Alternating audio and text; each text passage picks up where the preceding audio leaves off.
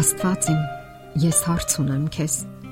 Ինչու ես դու սիրուն քո զավակներին։ Չեմ ցանկանում անհարգալից Երևալ,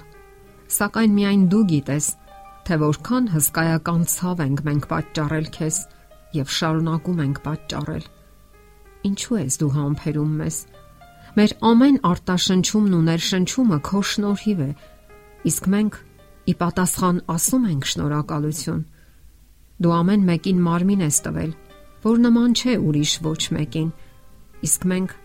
փառաբանել ենք քեզ։ Պատահում է, որ շնորհակալություն ենք հայտնում, փառաբանում, սակայն հազվադեպ մենք բողոքում ենք եղանակից, դժգոհ ենք խաղալիքներից, վիճում ենք, թե ում կհասնեն նոր հայտնաբերված հողերը։ Եվ մեկ վարքյան անգամ չի անցնում, որ որևէ մեկը չօգտագործի քո անունը, չանիծի մերձավորին եւ ցույց տալով քեզ չպարտադրի, որ դու լինես արդար դատավորը, կարծես թե դու մեղք ունես կատարվածի մեջ։ Դու լցրել ես աշխարհը սննդով, իսկ մենք մեղադրում ենք քեզ սովի համար։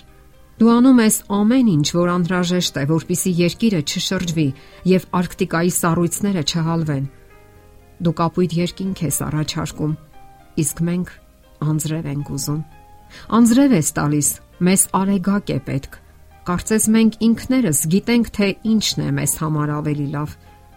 Մենք պատրաստ ենք ուժգին ծափահարել մկանուտ գնդահրորդին, բայց ոչ մեզ արարած Աստծուն։ Մենք ավելի շատ երկեր ենք գրել լուսնի լույսի մասին, քան մեզ փրկած Քրիստոսի։ Մենք ավազահատիկ ենք փղի պոչին։ Եվ այնուամենայնիվ պահանջում ենք, որ դու մեզ համար տեղ ապահովես մեքենան կանգնեցնելու համար, երբ դրա կարիքն ունենանք։ Իսկ եթե չտաս, ապա կասենք, որ դու գոյություն չունես, չէ՞ որ մեր կարծիքն այնքան մեծ նշանակություն ունի։ Մենք ախտոտում ենք աշխարը, որ դու ես վստահել մեզ։ Մենք չենք հոգում մեր մարմինների համար, որ դու ես ապարգևել մեզ։ Մենք անտեսում ենք խոսքը, որ դու ուղարկել ես մեր աշխարհ։ Եվ դեռ սپانեցինք քո որդուն, ում մեջ դու ինքդ էիր մարմնավորվել։ Երես առած երեխաներ հրմշտում ենք ուրցնում մեր շուրթերը, վիրավորում մեր շրջապատած մարդկանց։ Դու բոլոր պատճառներն ունես մեզ թողնելու համար։ Ես հենց այդպես էլ կվարվեի կլվայի зерքերս եւ ամեն ինչ նորից կսկսեի ինչ որտեղ հերավոր մարսում իսկ դու այդպես կվարվես։ Ես քո պատասխանը կարդում եմ արևածագի ճառագայթներում։ Ես լսում եմ այն օվկիանոսի ալիքների աղմուկի մեջ։ Զգում եմ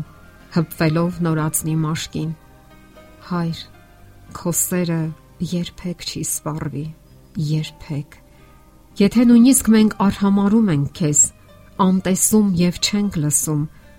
դու չես փոխվում։ Մեր չարությունը չի կարող սպառել քո սերը։ Մեր բարությունը չի կարող շատացնել այն։ Մենք չենք արժանացել նրան մեր հավատքով, բայց եւ վտանգի էլ չենք ենթարկել մեր հիմարությամբ։ Դու մեզ ավելի պակաս չես սիրում, երբ մենք ընկնում ենք։ Այս հիրավի գեղեցիկ խոհերը պատկանում են Մաքս Լուկադոին։ Այս հիրավի գեղեցիկ խոհերը պատկանում են Մաքս Լուկադոին, որ ոչ միայն գեղեցիկ են, բանաստեղծական եւ հուզիչ, այլև չափազանց ճշմարիտ։ Աստված սիրում է մեզ, իր զավակներին։ Այդ սերը դրսևորվում է նրա բոլոր գործողություններում։ Նա բարձր կարծիք ունի մեր մասին։ Եթե որևէ մեկն իրեն ցախողակ է համարում, թող հիշի, որ Աստված հավատում է մեզ Եթե որևէ մեկն իրեն լքված է զգում, թող հիշի, որ Աստված տվեց իր ողջ ունեցածը, որpիսի մենք հարստանանք, որովհետև այդ ամենի հիմքում նրա սերն է մեր հանդեպ։ Ավելի հաճախ կրկնենք այդ միտքը մեզ համար, պատասխանենք այդ սիրուն։ Դու երբեք չեք կարող ավելի լավ ընկեր, բարեկամ կամ հովանավոր գտնել։ Արդյոք հիմա չէ ժամանակն այն բանի, որ նրան պատասխանենք հավատով Թեկուզ եւ դա կարող է թույլ հավատ թվալ մեզ։ Ժամանակակից արագահոս կյանքը հաճախ թույլ չի տալիս, որ մենք ճիշտ որոշումներ ընդունենք։ կյանքը կանգ չի առնում։ Նորից քննենք մեր կյանքը, ճիշտ որոշումներ ընդունենք։ Արդյոք հիմա չէ ժամանակ այն բանի, որ պատասխանենք նրա սիրուն մեր հոգու ողջ ուժով, զրուցենք Աստծո հետ եւ ասենք. Ահա ես։ Ես պատրաստ եմ գործողությունների։ Ես պատրաստ եմ ինձ վրա վերցնելու պատասխանատվությունը։ Ես ցանկանում եմ ճիշտ ընտրություն կատարել իմ կյանքում։ Ես ցանկանում եմ դա անել, որովհետև Աստված իմ դու կարող ես իրականություն դարձնել այն եւ որովհետեւ դու սիրում ես ինձ։ Կյանքի հարահոսը կանգնեցնելու մի եղանակ կա՝ տեղ հատկացնել Աստծուն մեր կյանքում։ Նա առաջարկում է ոչ միայն իր սերը, այլև կյանքը իր բոլոր հրաշքներով։ Մարդկային խաղաղ փոխհարաբերություններ, զբոսանքներ բնության գրկում, ընտանեկան անդոր։ Կարգավորենք ձեր կյանքը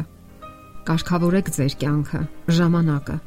Ավելի շատ տեղ տվեք ընտանիքի անդամներին, զավակներին։ Զբաղվեք բարեգործությամբ։ Չէ՞ որ կշերքի վրա է դրված ձեր հետագա կյանքը, հավերժական կյանքը։ Երբ դուք անկեղծորեն պատասխանում եք Աստծո սիրուն եւ որոշում կայացնում հետևելու նրան, այդ նվիրական գործին փորձում է միջամտել կողմնակի մի ուժ՝ սատանան։ Նկատի ունեցեք որ նա անելու է ամեն հնարավորը, որպիսի խաթարի ձեր եւ Աստծո փոխհարաբերությունները։ Ահա թե ինչու Պետրոս Առաքյալը գրում էր. Արթուն եղեք, հսկում արեք, որովհետև ձեր ոսող թշնամին Սատանան գորոս արյուծի պես ման է գալիս եւ որոնում թե որին կուլտա։ Սատանայի նպատակը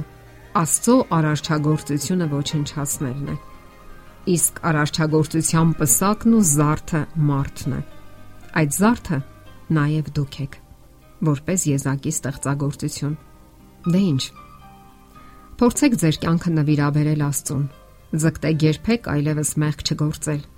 Ապրեք գիտակցական կյանքով, մեղքից ազատ Աստծուն հաճո կյանքով։ Եվ դա կլինի ձեր պատասխանը նրա մեծ սիրուն։ Եթերում ղողանջ հավերժության հաղորդաշարն է։ Ձեզ հետ է Գեղեցիկ Մարտիրոսյանը։ Հարցերի եւ առաջարկությունների դեպքում զանգահարեք 094 08 2093 հեռախոսահամարով։ Հետևեք մեզ hopmedia.am հասցեով։